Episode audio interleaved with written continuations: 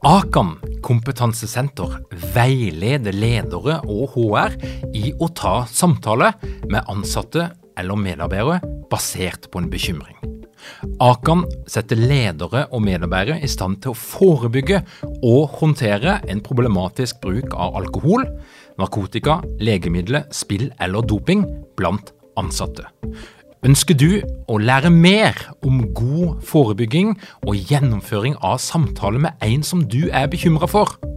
Da kan du nå få tilgang på Akan sitt digitale samtalekurs til spesialpris, kun 760 kroner. Målet med kurset er å gjøre deg tryggere i det som kan være en krevende, men viktig samtale å ta i lederrollen. Du får tilgang til kurset med å gå til samtalekurs.no, samtalekurs.no, og bruke kampanjekoden LEDERPODDEN.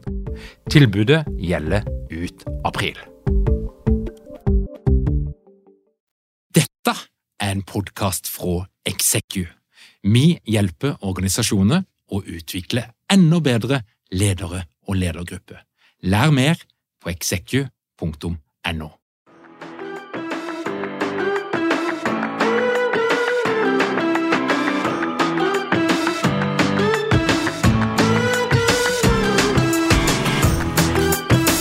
Velkommen til Lederpodden. Mitt navn er Tor Åge Eikrapen. Jeg jobber som organisasjonspsykolog med leder- og ledergruppeutvikling i Execu. Og dette her er en podkast om ledelse.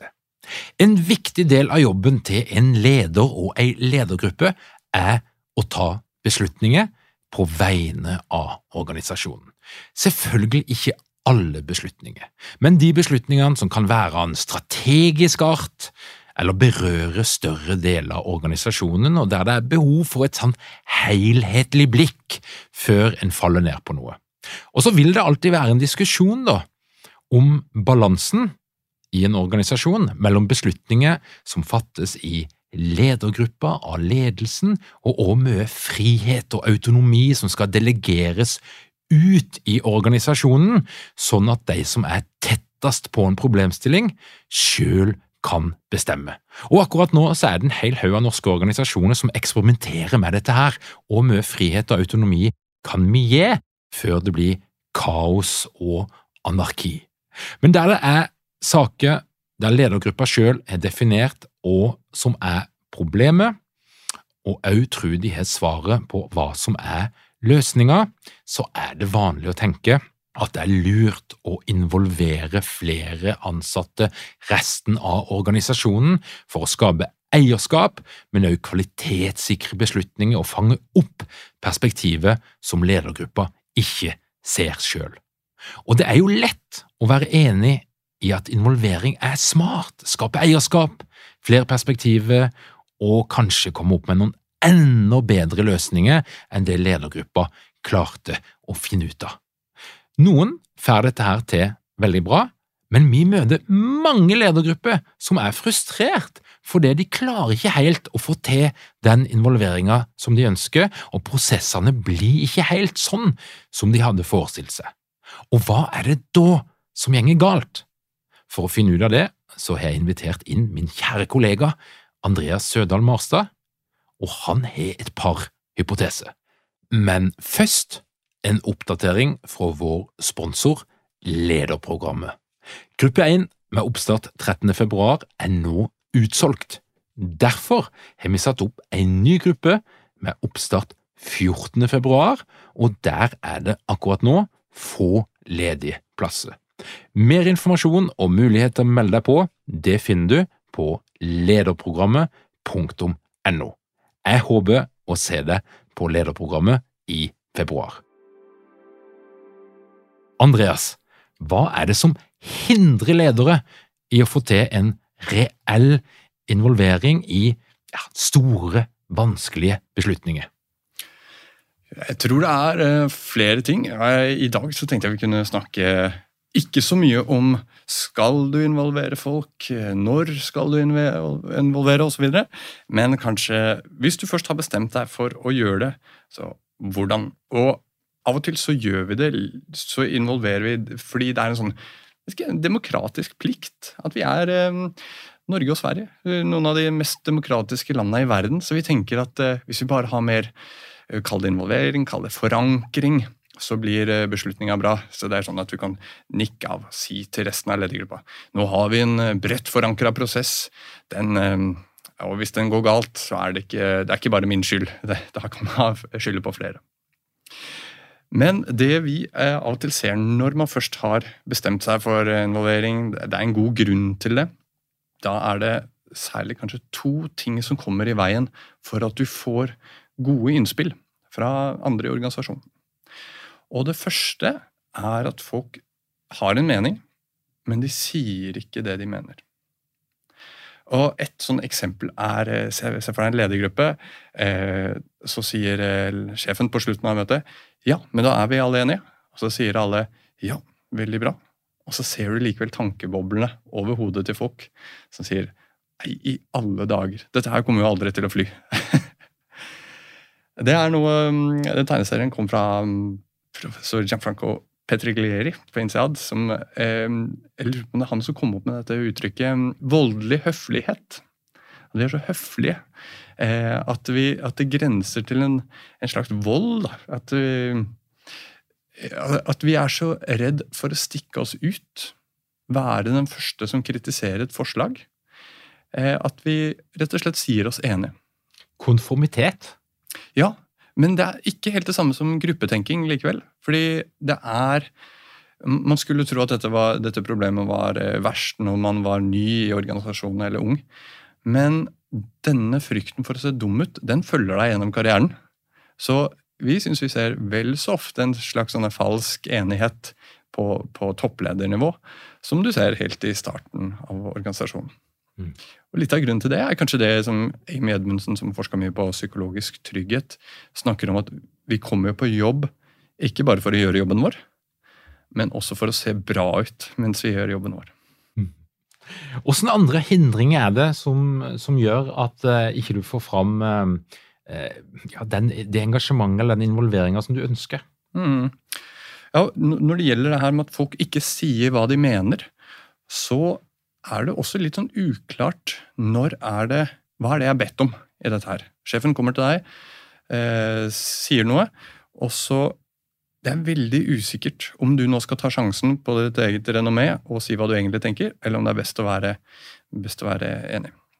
Uh, og En ting som overraska meg da jeg kom, kom, fra Forsvaret til det sivile, var at det sivile var mye mer autoritært enn det, det, den, de avdelingen jeg kom fra i Forsvaret. Og Vi hadde en sånn regel når det gjaldt beslutningstaking, at alle skulle være i Forsvaret, altså alle, alle skulle være uenige, eller si hva de egentlig mente, Say what you mean, mean what you say, fram til beslutninga er tatt. Og når beslutninga blir tatt, så skal man være lojal mot den. Mens i det sivile så opplevde jeg litt det motsatte. At man skulle være veldig lojal, sitte stille i båten fram til beslutninga ble tatt. Og så er det ganske åpent for å trenere og sabotere etter det.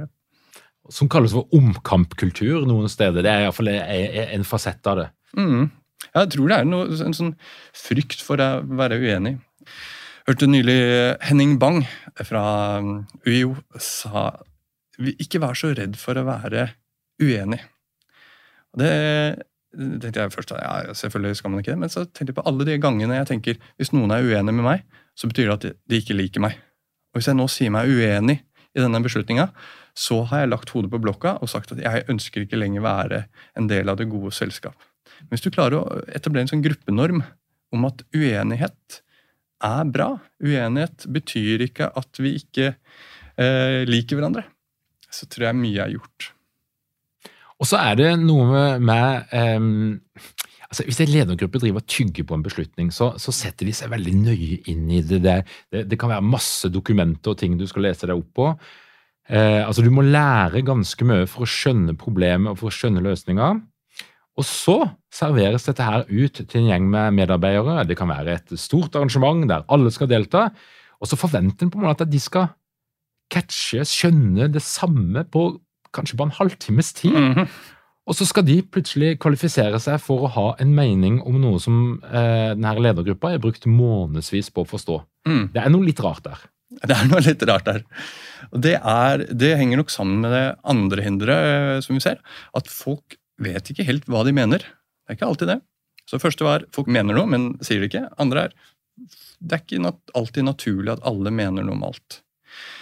Og til en viss grad så er det, er det kanskje i Norge en litt overdrevet demokratikultur. Jeg syns noen av de som fanga den skandinaviske best, var Melodi Grand Prix 2013. Du vet jeg er stor Melodi Grand Prix-fan. I introduksjonen til, til Sverige Eh, så forklarte de litt om sin egen kultur, hvor de viser en sånn øvelse hvor eh, eh han offiseren sier You will attack on my command. Um, that's if you feel like it. Uh, if you don't, I don't have to decide everything. Maybe it's Ingrid's turn to, to lead. At vi, er, vi har litt lett for å ville delegere litt mye ansvar. Mens noen avgjørelser de tilhører deg. De tilhører ditt nivå i organisasjonen. De tilhører ledergruppa. Så det er noen ting som sånn Generelt så er, det, så er det en god regel å delegere. Det er, det, det er, en god regel å dytte beslutningene til der informasjonen er. Så hvis det er de på frontlinja som vet mest, så er det, eh, da er det der beslutningen bør bli tatt. I stedet for å dytte informasjonen opp til der beslutningen ble tatt. Men det er noen ting som bare ledergruppa kan eie. F.eks. strategien. Strategi er et lederansvar.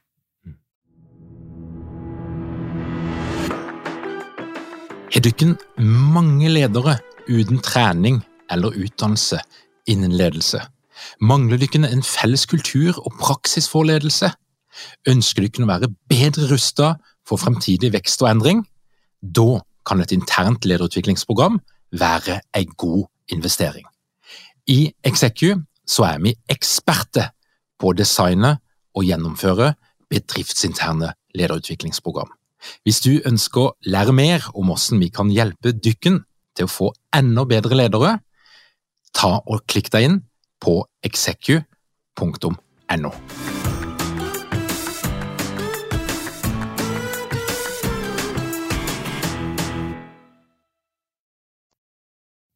Ja, hva, hva, skal man gjøre da? Skal, skal, man, skal, skal man droppe å involvere?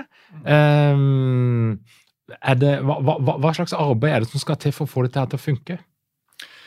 Jeg tror det er særlig to forberedelser som man kan gjøre i, i en type beslutning hvor du trenger involvering.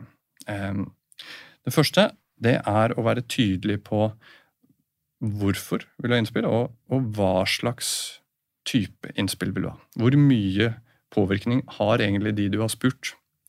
Fordi her er det en Folk vet ikke helt hva slags rolle de er forventa å ta, og så må de gjette. Er dette her en diskusjonssak hvor lederen virkelig vil at du skal sette deg inn i saken, spille djevelens advokat, få opp alle innvendinger? Eller har hun allerede bestemt seg og vil egentlig bare at du helst skal si deg enig?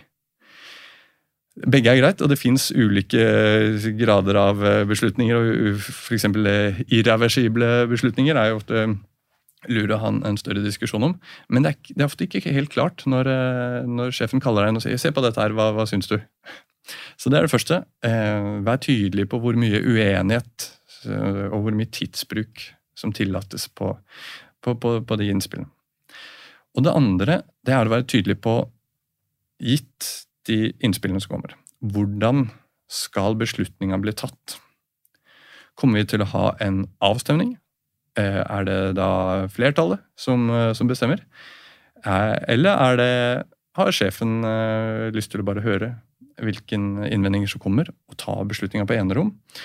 Eller har sjefen allerede bestemt seg og vil egentlig bare en, høre om det er noe annet? Så, og det finnes mange grader av dette. Så Vær tydelig på hva slags innspill du vil ha, og hvordan du har tenkt å ta beslutninga, det er du som er sjefen. Jeg har en sånn erfaring på at, at um, der det av og til gjenger galt uh, når ledelsen skal involvere sine medarbeidere, det er at det er, det er så fryktelig Det er så åpent Det, det er sånn kjempestore spørsmål. Og Der tenker jeg litt på arkitekturpsykolog Oddvar Skjæveland, som har vært intervjua i Lederpodden før. Han hadde et sånn bra eksempel på at hvis du skulle for eksempel be en gjeng ansatte ta stilling til utforming av de nye kontorene, så kan du ikke bare gå ut og spørre et åpent spørsmål hvordan ønsker du ikke de nye kontorene skal være. Du måtte komme med noen veldig konkrete forslag, noen modeller som gjerne var fysisk lagd eller lagd i 3D, sånn at det gikk an å ta stilling til det. Alternativ A er, B, eh, er bra pga. sånn og sånn, alternativ B er dårlig pga. sånn og sånn. Altså, da var det mulig å ta stilling til det.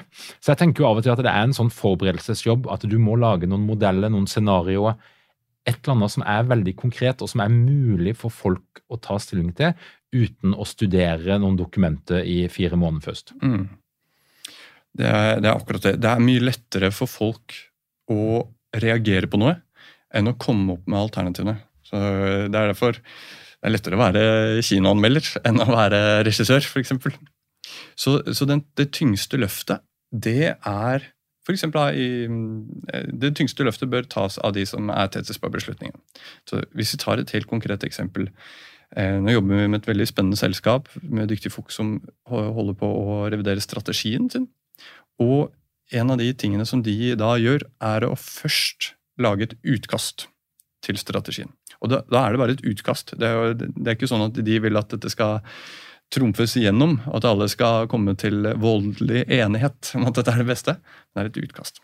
Så da har de, da har de en grov skisse, som de da går til organisasjonen og sier dette er vårt forslag, hvilke innspill har dere? Og Ref det vi snakka om i stad, så, så, sier vi også hva slags innspill er det som er eh, greit. altså Hvor mye tid. Og Der kan det ha ganske høy grad av kritikk vil vi, i dette eksempelet. En av de tingene de gjør for å oppmuntre til litt av den kritikken, det er også å belyse hvilken feil eller hvilken potensielle farer er det med det forslaget de legger fram. Sånn at det ikke bare er her er vår nye, nye propagandaplakat, kan alle være enig i den? De sier vi, vi har grubla lenge på dette, og vi har forkasta disse to, to, alternativene, men nå har vi mest tro på dette. Og eh, der den kanskje kommer til kort, er hvis dette skulle skje. Så først ha et utkast selv. To kom med et konkret spørsmål, altså be om konkrete innspill på det. Ehm, og gjerne med litt sånn ydmykhet overfor eh, at dette ikke er det perfekte forslaget. Men det siste, og kanskje viktigste, det er å ta imot rådene. Og også forklare hvilken råd er det du ikke tar til følge. Hvorfor? Og um, hvilken råd er det du tar med deg i det nye forslaget. For ellers så lærer du opp organisasjonen til litt dette at folk mener noe, men orker ikke si det. Litt sånn kommunal byggeprosess hvor ja, vi har fått 1500 eh, innsigelser, eh, men da har vi gjennomført Vi har gjort involvering. Vi har tikka av den voksen. Og vi bygger det sånn som vi egentlig har tenkt å gjøre. Ja. og da, da, er du jo inne på et tema som vi snakker om her, episode med Oskar Amundsen, skinninvolvering, som jo er det verste folk vet. Altså At du, du deltar, du bidrar, og så ser du ikke et spor av det du har bidratt med etterpå. Eh, for jeg tror jo folk takler veldig godt å høre at nei, men ditt forslag, ditt innspill gikk ikke videre, eller det, det, det ble ikke tatt til følge. Eh, men hvis ikke du ser et spor av innsatsen i den etterfølgende prosessen, så oppleves det nok fort som en skinnprosess som ødelegger tillit, og som gjør at folk ikke gidder å engasjere seg, ikke ønsker å si meninga si neste gang det blir en mulighet. Mm. Og så lurer jeg på, Andreas, er vi, er vi litt på en um, altså det, det, er en sånn mismatch mellom LinkedIn og virkeligheten, føler jeg for tida. Altså, I vår nerdeverden, eh, som utspiller seg bl.a. på LinkedIn, der er det autonomi, autonome team, agilitet, altså frihet, eh, demokratisering av absolutt alt. Mens i virkeligheten så opplever vi at nei, ledere skal bestemme. De skal ta beslutninger som de skal stå ansvarlig for. Involvering der det er nødvendig, absolutt bra. Hør hva folk mener, test ting ut. Eh, eh, kjempesmart. Men det er òg noen beslutninger som toppleder skal eie. Det er noen beslutninger som ledergruppa skal eie. Men det er nesten i ferd med å bli litt sånn tabu å si det. Godt poeng. Altså, kanskje er det det, altså En av farene med å be om råd er jo at folk gir, det, gir den typen råd som de tror det er minst av. Så du har ikke lyst til å gi råd, de samme rådene som alle andre. Så Hvis du tenker at uh, de fleste ledere er altfor autoritære, så gir du masse råd på LinkedIn om å, om å bli mindre autoritær og mer demokratisk. Men vår erfaring er at folk irriterer seg nesten mer nå over eh, laissez-faire-ledelse, altså litt eh, la det skure-ledelse. At eh, eh Jeg hadde en venninne som skrev på, på, Facebook at hun måtte, hun måtte, lære sjefen sin å være leder. Eh, så, så, kanskje har pendelen svingt, men sånn, realiteten er jo som veldig mange andre lederferdigheter at man må finne den balansen. Mm. Det siste som jeg vil si, er at poenget her er jo å være transparent, mm. tydelig, ærlig. Så jeg tenker at folk takler veldig mye bra eh, hvis det ikke det lukter skjult agenda og hemmelighetskremmeri som ikke er nødvendig, eh, og at det er liksom noen sånn manipulerende i det. Så det å være tydelig på at dette ønsker jeg å eie, dette ønsker jeg å bestemme, dette ønsker ledergruppa å bestemme, og dette skal vi eie, og dette involverer vi eh, på dette området her, det tenker jeg er litt løsninga. Mm. Det tåler, det tåler folk. Og en sånn tydelighet der, det skaper mye trygghet i organisasjonen. Andreas, takk for at du ble med og fikk belyst dette her. Takk for at jeg fikk være med. Kjære lytter, takk for at du hører på Lederpodden. Hvis du ønsker å få med deg alt som skjer i vårt lederunivers, da kan du gå inn på lederpodden.no. Trykk på den rette knappen, legg igjen din e-post, og du vil få vårt nyhetsbrev hver eneste fredag. Ønsker du å utvikle deg som leder, ønsker du å ta et steg i vår, så er du invitert til å bli med på lederprogrammet. Det er noen få plass igjen på den andre gruppa som er satt opp. Den første er utsolgt. Og Hvis du ønsker å sikre deg en av de siste plassene, så kommer du deg inn på lederprogrammet.no, og vi har oppstart i Oslo 14. februar. Takk igjen for at du hører på Lederpodden. Vi høres igjen om ei uke.